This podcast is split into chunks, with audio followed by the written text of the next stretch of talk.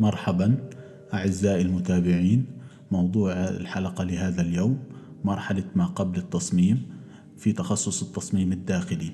يقدمها الدكتور أحمد أبو هاني تخصص تصميم داخلي حاصل على درجة الدكتوراه في تخصص التصميم الداخلي من أكاديمية ستروغانوف الحكومية في موسكو عام 1996 كما أنه عضو في المنظمات الدولية في مجال التصميم الداخلي وفي لجان التحكيم لتخصص التصميم في العديد من المؤسسات التعليمية. نحن برعاية طهبوب تجربة منزلية مطلقة. مرحلة ما قبل التصميم هذه المحاضرة نظرة عامة واقعية للمراحل الأولية لمشروع التصميم بما في ذلك العلاقة مع العميل المنهجية جمع المعلومات وصف كيف يستخدم المصممون البحث لإثارة الأفكار المبتكرة ثم تطوير هذه الأفكار للوصول إلى إبداعهم وإنتاج حلول محتملة وينصب التركيز في مرحلة ما قبل التصميم على المرونة. طبعا المراحل هاي مختصرة كثير يعني لاحقا راح يكون في تفصيل إلها إن شاء الله في محاضرات قادمة. الآن نيجي لعلاقة ما بين العميل والمصمم. يعيد التصميم الداخلي إلى الذهن صورة المصممين اللي بيرسموا المخططات المساقط أو التلاعب بالألوان والملمس للوصول إلى رسومات ومساقط مثيرة أو يلهثون وراء قطع مميزة من خلال المتاجر. المتخصصة بحثا عن قطع أثاث فريدة أو أشياء زخرفية أو تفاصيل لتخصيص عملهم ويمكن أن يحسب كل هذا على أنه جزءا لا يتجزأ من الوظيفة ولكن قبل أن يتمكن المصمم من التفكير في أي عملية إبداعية فإن عمل ما قبل التصميم ينطوي على قدر كبير من جمع المعلومات والمنهجية اللي بيتم بناء المشروع من خلالها. إذا كنت تبحث عن تنفيذ تشطيبات الجبس الداخلية والخارجية نحن في آرتيكا مختصون بأنظمة الجبس وال GRC وال GRG بالطرز الشرقية والغربية وأعمال التعتيق والعجمي. عمان المقابلين هاتف صفر سبعة تسعة خمسة خمسة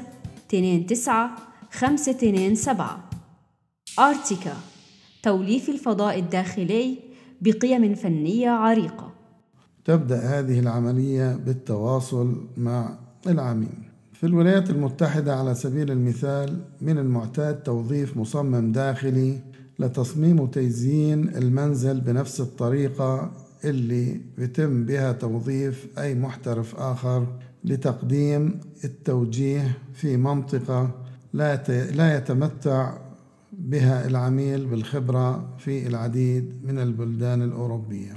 لا تزال هناك بعض المقاومة الداخلية لفكرة استخدام مصمم الداخلي ربما لأنه لا يزال ينظر إليهم في بعض الأوساط على أنهم رفاهية باهظة الثمن ومن شأنها زيادة التكاليف بشكل كبير. في بلد مثل المملكة المتحدة يتم تقدير الخصوصية الفردية ربما يكون هناك أيضا تخوف من فرض المصمم أسلوبه أو هويته الخاصة على فكرة المشروع.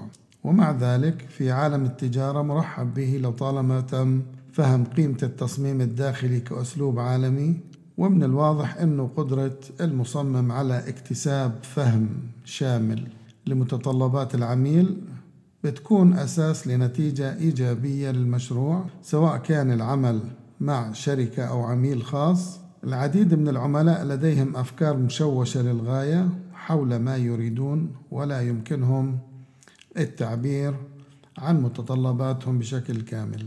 ومن المعتاد أن يقوم العملاء ببساطة بسرد المشكلات التي يواجهونها وتقديم مجموعة عشوائية من الأفكار بدلا من تقديم مفهوم للتصميم أو بيان المشكلة للمصمم. لذلك فإن مهمة المصمم هي إنشاء الفكرة المقترحة وصياغتها بالتعاون مع العميل لتلبية رغباته بشكل سليم. مع ذلك لا يرتبط التصميم الجيد بالضرورة بجودة فعلية لعلاقة المصمم مع العميل. بعض المصممين الجيدين سيئون في التعبير عن فكرة العملاء والتحدث معهم. مشاركتهم فقط في صياغة متطلبات الفكرة. يصرون فقط على أن يثق العميل بهم بينما من المهم بالنسبة للآخرين جعل العملية برمتها ممتعة.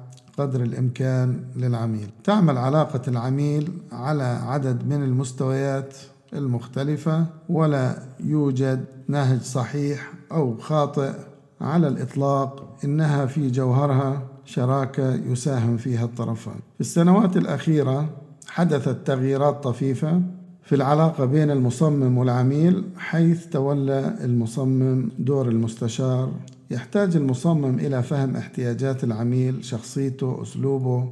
في الوضع التجاري يقدر السياق الاقتصادي الأوسع لهذا الجانب. إذا الثقة المتبادلة هي منصة حيوية للتقدم السلس ولتحقيق ذلك. يحتاج المصمم إلى أن يكون قادرا على التحدث بلغة العميل وقبل كل شيء حسن تقدير حاجة العميل والاستماع إليه من أجل تفسير أفكاره. قدرة الملاحظة وأسلوب الاستماع لها أهمية قصوى عند التعامل مع الأزواج. قد لا يكون الشخص الذي يبدو مهيمنا في الاجتماعات على سبيل المثال هو صانع القرار الحقيقي وقد يزداد الوضع تعقيدا بسبب مشاركة الأقارب الأصدقاء أو المتطفلين. طبعا تمتد اعتبارات التصميم للعميل إلى ما هو أبعد من العائلة والضيوف وإلى حيوان أليف محبوب للغاية إلى آخره. هنا يسهل الوصول للأماكن الخارجية ويتم تقليل السجاد والبسط إلى الحد الأدنى ويمكن أن يوفر اختيار الأعمال الفنية والديكور في المنزل. أدلة قيمة على ذوق العميل ونمط حياته وحتى شخصيته.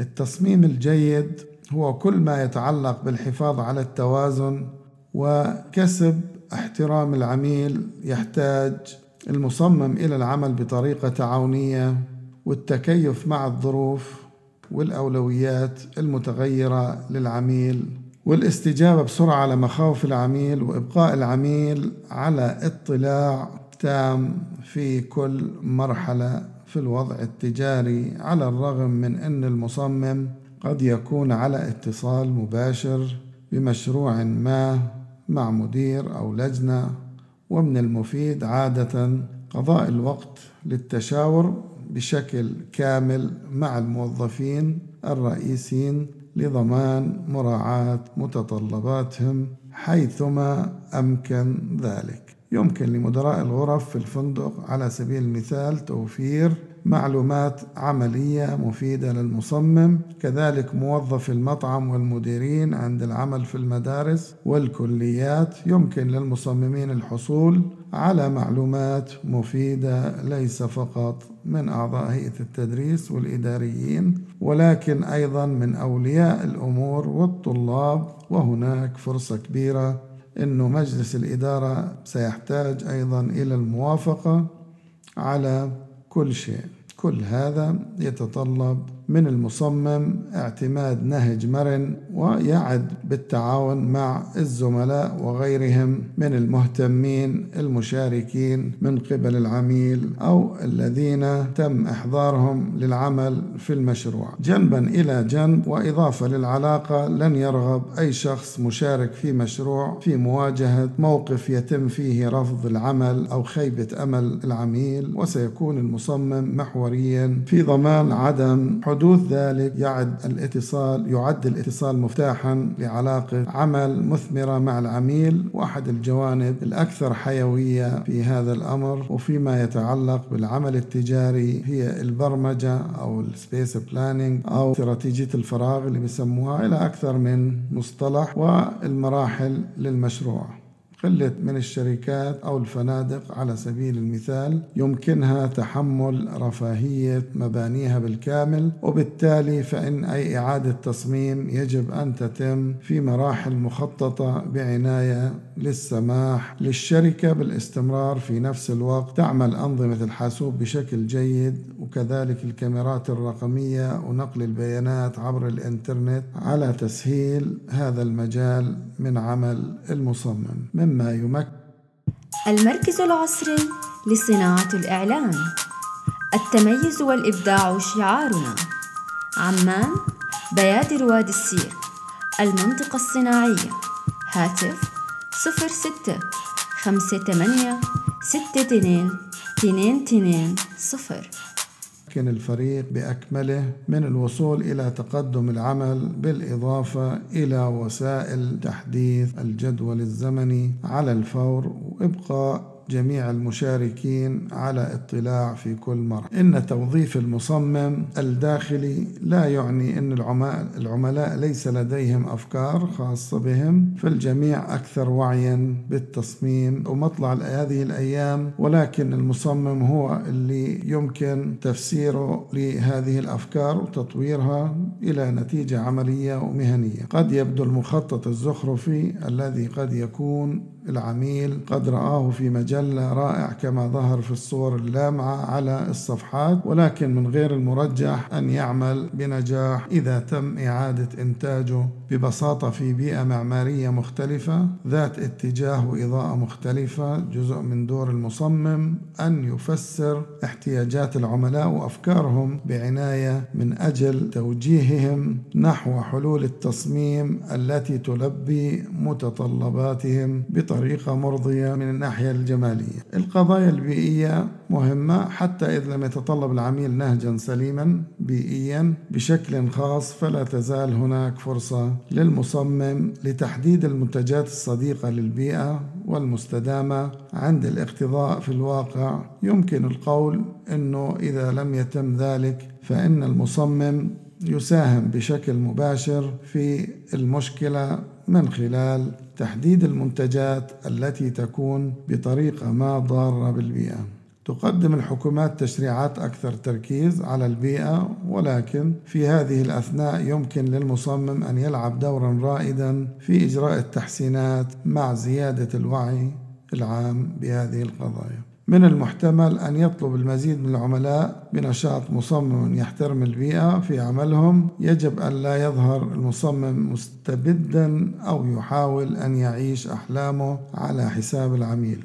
بالنسبة للعديد من مصممي الداخلي من المهم محاولة تجاوز توقعات العميل على مدى الثلاثين عام الماضية. كانت الأولوية بالنسبة للعملاء من القطاع الخاص هي الحصول على أقل عرض سعر على الرغم من حقيقة أن المنزل هو على الأرجح أغلى استثمار يقومون به في حياتهم بهذه الطريقة غالبا ما يضعون العرب أمام الحصان دون أن يفهموا أن أعمال تصميم عالية الجودة تكلف مالا وبدأت هون صناعة التصميم في التحدث بشكل أكثر اتساقا واحترافا حول هذا الأمر. وبنتذكر هون قول تاتيانا روجوفا مصممة روسية بتقول المصمم الداخلي الذي يخلق بيئة متناغمة يساعد العميل حقا على الشعور بالاختلاف ويلعب المصمم دور مسؤول للغاية حيث يقوم بإنشاء منازل الآخرين وبطريقة ما يكون له تأثير